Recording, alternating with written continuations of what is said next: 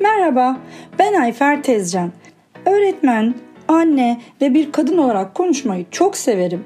Bildiklerimi anlatmak ve paylaşmaksa yıllar içinde benim için bir hobi haline geldi. Artık anlatmadan ve paylaşmadan bir günün bile geçmeyecek duruma gelince hayatımın ışığı kızımın tavsiyesiyle bu podcast'i hazırlamaya karar verdik. Paylaşacağım konular sağlığımızı, günlük yaşantımızı iyileştirmeye, farkındalığımızı arttırmaya yönelik olacak. Anlattıklarımsa sadece kişisel bilgi paylaşımı olup hiçbir şekilde tıbbi tavsiye niteliğinde değildir. İyi dinlemeler.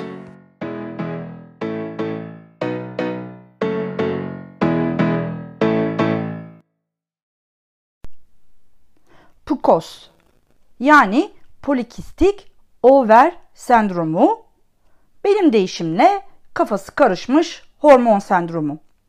Merhaba.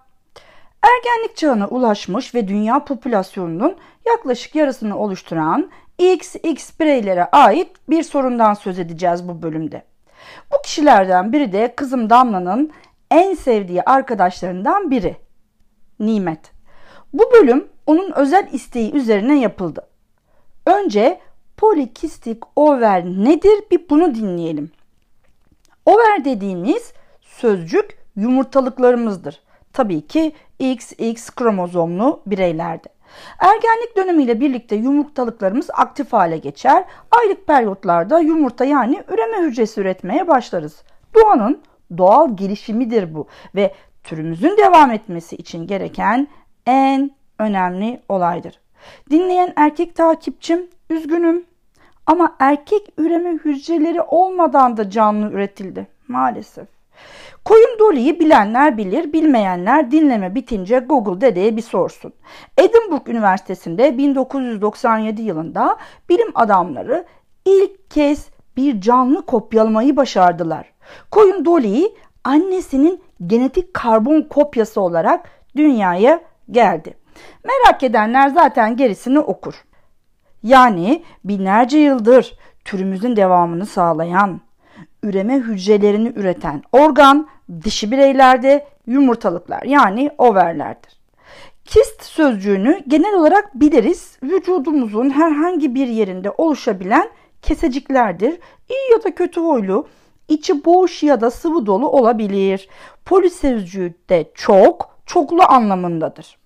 Yumurtalıklarımızda her ay bir yumurta olgunlaşır. Ama polikistik overde yumurtalıklarımızda aynı anda birden fazla yumurta olgunlaşıyormuş gibi birden çok kesecik oluşur ve çoğu zaman hiçbiri gerçek bir üreme hücresine dönüşmez. Dolayısıyla da yeni bir birey yani bebek oluşumu için uygun ortam gerçekleşmez. Bu durum sadece polikistik over durumudur sendrom değildir. Herhangi bir başka belirti vermeden yıllarca devam edebilir. Sadece birey bebek sahibi olmak istediğinde uzun süre bebek sahibi olamazsa bu durum ortaya çıkar. Bir de polikistik over sendromu vardır ki bu ikisi birbirinden farklıdır. Yani her polikistik over bir polikistik over sendromu değildir. Sendrom dediğimizde aklımıza gelen nedir? Söyleyelim. Bir sorunun tanınabilmesi için onun fark edilebilmesini kolaylaştıran belirtilerin ve bulguların hepsine verilen isimdir. Sorun burada polikistik overdir. Eğer bu sorun belirti ve bulgu vermeye başlarsa artık onun adı polikistik over sendromudur. Bu hastalık aslında endokrinolojik bir hastalıktır. Yani vücudumuzda salgı üretip kana bu salgılarını veren tüm salgı bezlerinin hastalığıdır. Salgı bezlerinin üretip kana verdiği bu salgılara hormon denir. PCOS üreme çağındaki bireylerde yüksek oranlarda görülür. Kadın doğum uzmanı ile beraber bir endokrin uzmanına başvurulması bence yerinde bir karar. PCOS kısaltılmış haliyle artık bahsedeceğiz ki artık bu sendromun belirtileri neymiş bir bakalım. Böbrek üstü bezlerimizden salgılanan ikincil cinsiyet özellikleri denen yani vücudumuzda cinsiyetimizin özelliklerinin oluşmasını sağlayan hormonlar vardır. Bu hormonlardan biri olan ve erkeklerde çok bulunan androjen aşırı miktarda salgılanır ki bu da yine erkeklerde çok bulunan testosteron hormonunu arttırır. Bu hormonlar ikincil erkek cinsiyet özelliklerinden biri olan aşırı kıllanmayı oluşturur. Dişi bireylerde PCOS'ta artmış bir testosteron hormon durumu vardır ki bu da aşırı kıllanma yapar tabii ki. Hirşituizm denilen bu durum erkek tipi kıllanma şeklinde karşımıza çıkar. Ayrıca yine erkek cinsiyet özelliklerinden olan saç dökülmesi ki buna bağlı olarak erkek tipi kelleşme görülebilir. Kafası karışmış olan hormonlarımız bu belirtiler dışında da vücudumuzda başka belirtiler tabii ki veriyor. Az öncekiler fiziksel olarak bir kadının görüntüsünde sorun yaratabilecek en sevimsiz olanlarıydı. Yani aşırı kıllanma ve e, erkek tipi saç dökülmesi. Bunun dışında çene bölgesinden başlayan sivilcelenmeler görülebilir. Aylık periyotlarda düzensizlik başlar ki çok huzursuz eden ve e, psikolojik sorun yaratabilen bir belirtidir bu. Üreme hücrelerinin oluşumu ve kalitesiyle ilgili de sorunlar artık yaşanmaya başlar. Bunun sonucunda da üreme sorunları yani infertilite karşımıza çıkar. Hamile kalamamak, bebek isteyen her kadında, her çifte büyük psikolojik baskı oluşturur. Yok, etraf ne derden ziyade bebek sahibi olmayı isteyip olamamak kişilerde büyük üzüntü oluşturur.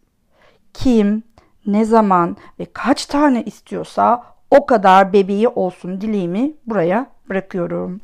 Günümüzün en büyük sorunlarından bir tanesi insülin direnci. PCOS'lu bireylerde karşımıza çıkan en yaygın belirtidir. Buna bağlı olarak da kanda şeker miktarı artar. Kanda glikoz yani şeker arttıkça bu glikozu hücreye sokacak insülin miktarı da artar.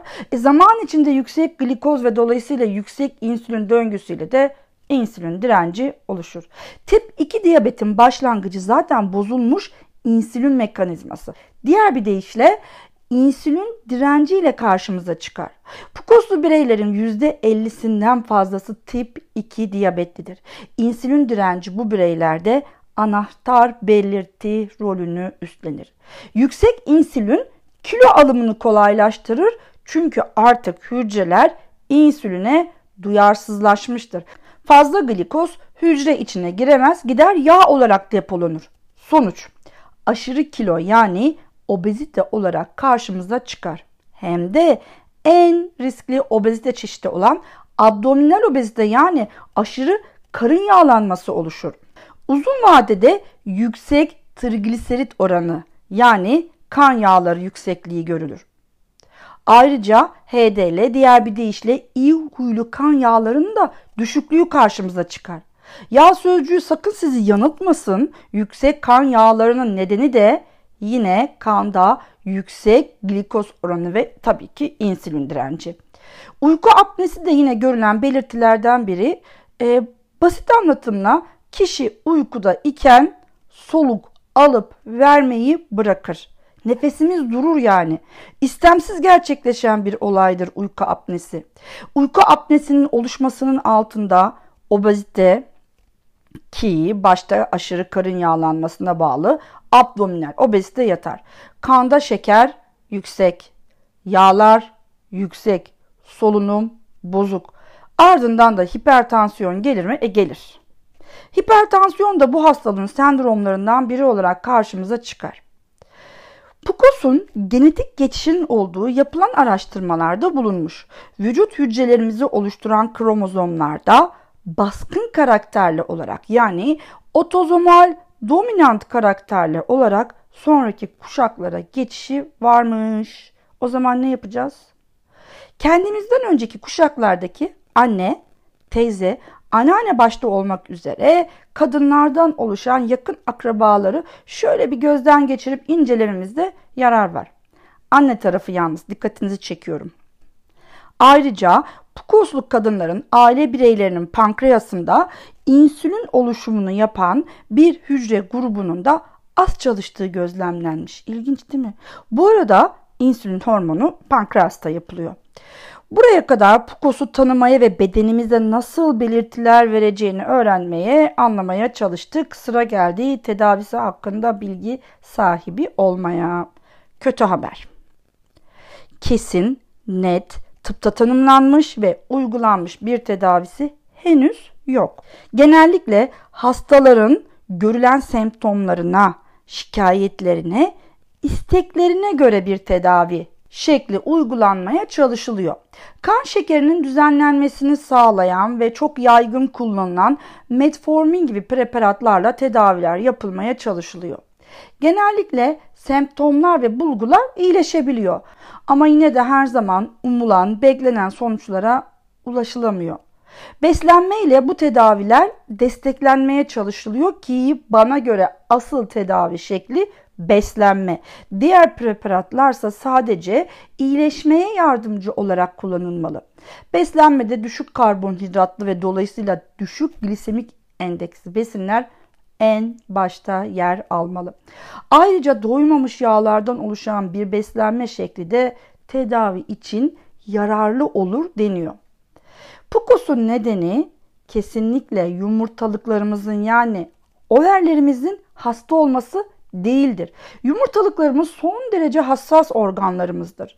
Dolayısıyla sistemimizdeki kafası karışmış hormonlarımıza karşı vücudumuzun verdiği bir cevaptır aslında bu koz. Bağırsaklarımız, karaciğerimiz, tiroid bezimiz, lenf sistemimiz, adrenal bezlerimiz ve tabii ki yumurtalıklarımız hata vermeye başlar. Peki neden sistemimizi oluşturan yapılar hata vermeye başlar? Birçok nedeni var bunun. Bir kere en başta yanlış beslenme. Toksik madde birikimi ki bilinen, fark edilenin çok üstünde bir sorundur bu toksik madde birikimi. Hareketsiz yaşam, stresli yaşam ve daha olumsuz bir olay sonucunda sistemimiz PCOS oluşturabilir. Sadece PCOS mu? Tabii ki hayır yumurtalıklarımız, hassas organlarımız olduğundan genelde çabuk tepki verir. Dönüp dolaşıp geldiğimiz bir yer var. Neresi mi? Yaşam biçimimizin nasıl olduğu.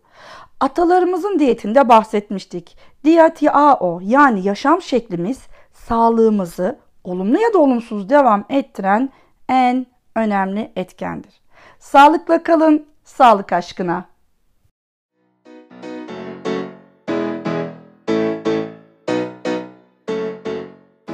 Dinlediğiniz ve takip ettiğiniz için teşekkürler. Güncel ve pratik bilgiler için dinlemede ve takipte kalınız. Ayrıca Instagram ve Facebook sayfalarından da takip edebilirsiniz. Sağlık aşkına, sağlıkla kalın.